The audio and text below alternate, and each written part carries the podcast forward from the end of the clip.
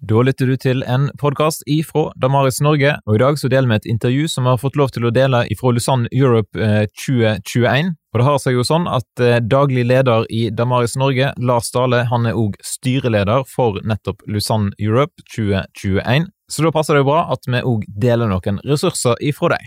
Håper da at du setter pris på denne episoden.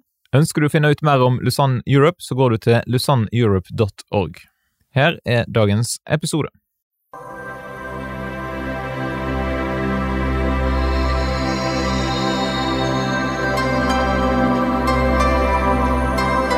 We have one task to proclaim the message of salvation in Jesus Christ.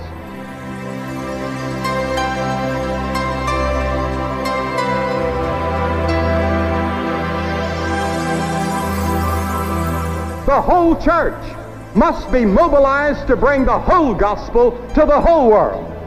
This is our calling. These are our orders.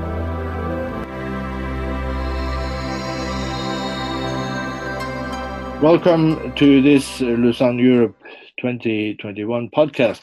Our guest is uh, Jim Memory. He teaches European mission at Redcliffe College. He is the editor of Vista Journal and is part of the leadership team of the European Christian Mission. He is also one of the leaders of the Lausanne Europe 2021 initiative. And uh, he has written one of the articles uh, featured in the June conversation entitled Reconciliation in the Conflicted Continent. And Jim, uh, you start your article by reviewing history and note the unprecedented peace that we have had since 1945. But then you warn against a couple of isms which could ruin this peace. What are they and what dangers do they represent? Yes, good morning. It's uh, uh, it's a great question. Um, I often say when I think back over uh, my life, um, I'm 54 years old and I have never had to pick up a gun to defend my home, uh, my home country, and uh, that's an extraordinary anomaly in European history. We've, we we take for granted the peace in Europe very much uh, but our generation has been hugely blessed to live through um, an, a, very unusual period of European history where we've had peace and prosperity. But there are many forces which um, threaten that. Um, in my article, I particularly focus in on nationalism and populism, and specifically um, the, the fusion of those two in national populism, or what some people call populist nationalism. Um, so to explain a little bit uh, where I'm coming from, uh, nationalism is something that we're, we're very familiar with in Europe in its historical form. Uh, we know very well that it's led to many wars over the last few centuries, and most recently that period of um, of conflict in the middle of the 20th century, which we remember as the Second World War. But um, it's it's an ever present. It's there in the background of the Balkan conflict in the 90s. It's there in the um, other uh, conflicts that uh, there have been. And nationalism really is about uh, identity and belonging. It is a a discourse, a conversation around the concept of what the nation is, uh, who belongs to it, and who doesn't belong to it and um, we we set up a, uh, a group of people who are seen as us, and we name a group of people who we see as other, and that opposition between people uh, at that level, that horizontal opposition uh, between peoples, is what nationalism is about. That contrasts with populism, because populism is between the people and the elites it's a, a vertical opposition between those who are uh, seen to be part of the people and those who are seen to be oppressing the people, whether they are, as I say, elites or media or politicians or ECB or bankers or whatever. Um, and when those two are fused together, you get national populism, populist nationalism. Um, populism used to be very much a feature of the left uh, back in 1980, maybe only one in 10 uh, populists were of the right wing, 90% were left wing populists. But that has swung completely the opposite way now. And uh, in most cases, populism is understood uh, in its nationalist form. Um, and you can find that uh, everywhere. But why has these powerful groups come on the scene just now? Well, um, I don't think it's just now. Uh, I think, as I say, nationalism has been around a long time, but I think this fusion of populist nationalism um, and not so much the existence of, of parties or individuals who hold those opinions, but the traction that they're getting in, in European societies now. It's a very good question. Why is that? Why are we seeing so much more of it now? Um, I think there are two two ways to look at it. One looks at it from the negative perspective. And that's where, uh, in the article, I, I quote from uh, Eatwell and Gladwell's book. And they identify what they call four Ds, which are contextual reasons why we have this situation. Um, the four Ds are distrust of our politicians, a perceived deprivation of people's economic advantages, a destruction, again perceived, of native cultures, and then a de alignment of historical political parties. And those four things combined together, uh, they particularly look at some examples and look at, the, at Brexit actually as an example of the dynamics of that. Um, distrust of, of, of, of politicians, how many people thought that they, they were being economically disadvantaged and therefore wanted to leave the European Union wanted to get back control of borders and so on.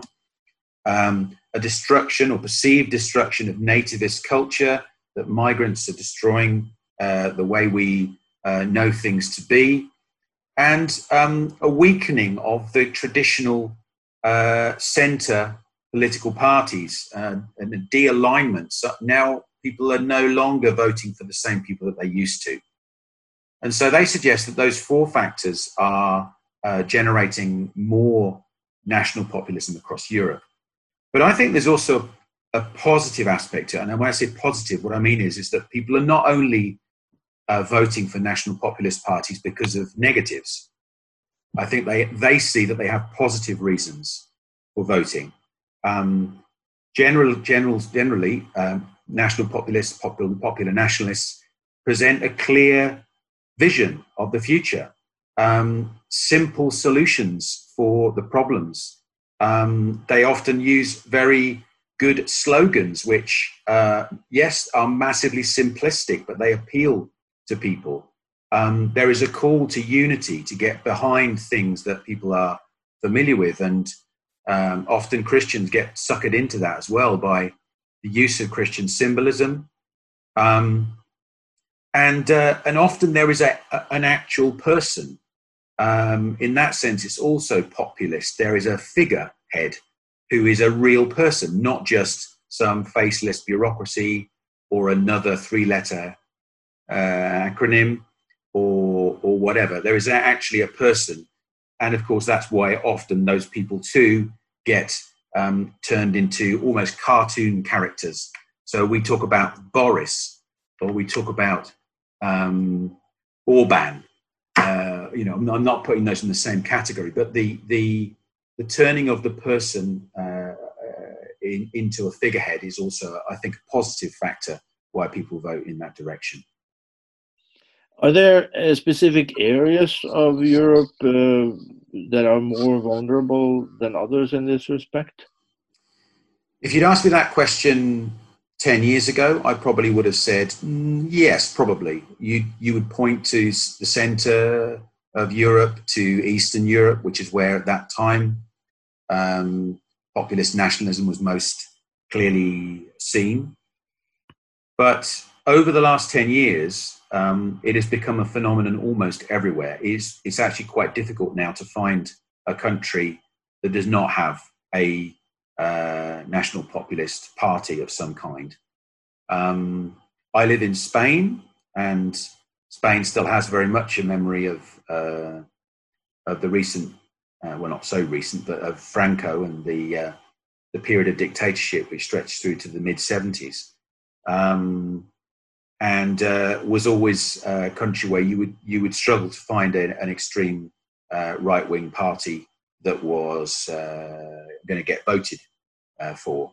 Now we do have one. We have the Vox party, which got 15% in the last national election and is a constant thorn in the side, not just of the left, but also of the right, as they seek to um, push the, the agenda further in that direction and, uh, and accuse other right wing parties of being soft and uh, not truly patriotic. So the, the, the presence of national populist parties across Europe is a real challenge today.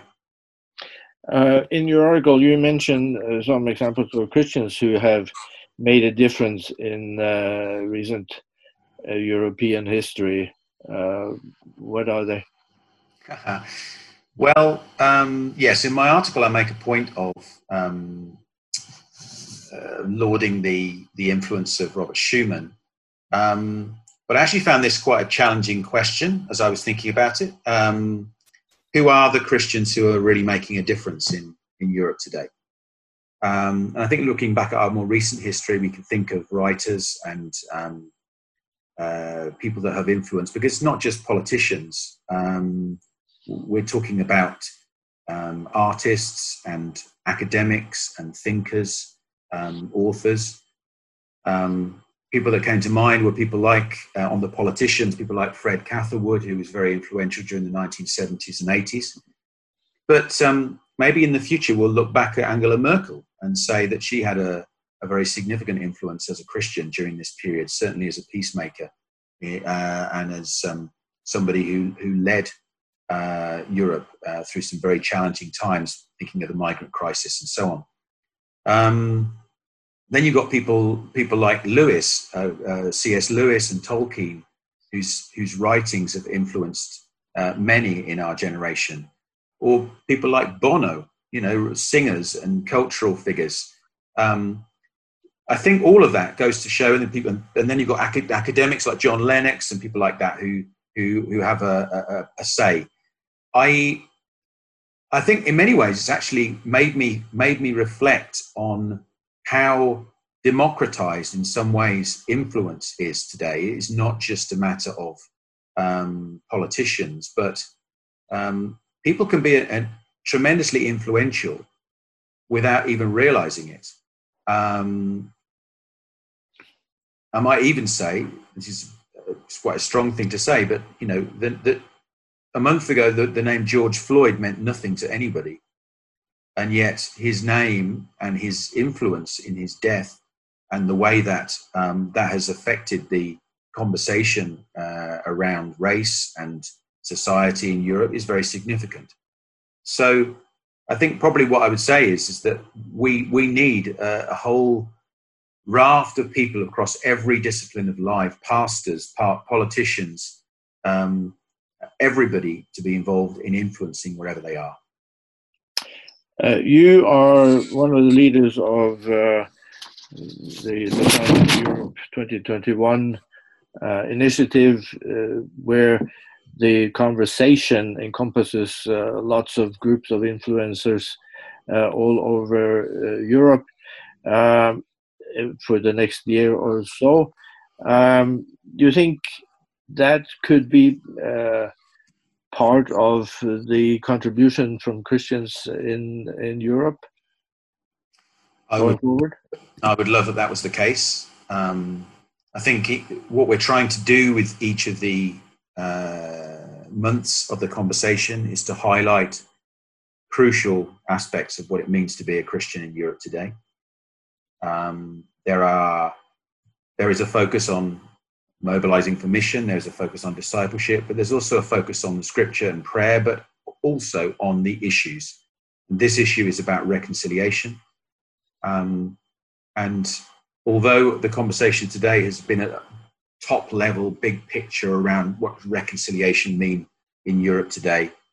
Um, the reality is that reconciliation begins with our personal relationships.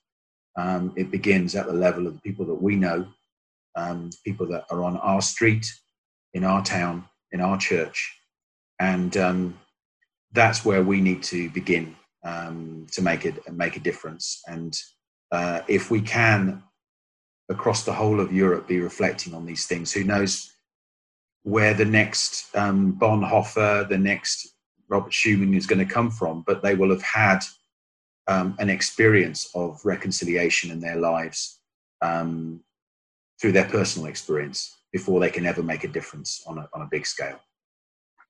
Well, we will follow uh, this in the next year or so and uh, see where it leads and, and what the results are. Thank you, Jim Memory, uh, and uh, we will talk to you again. Thank you.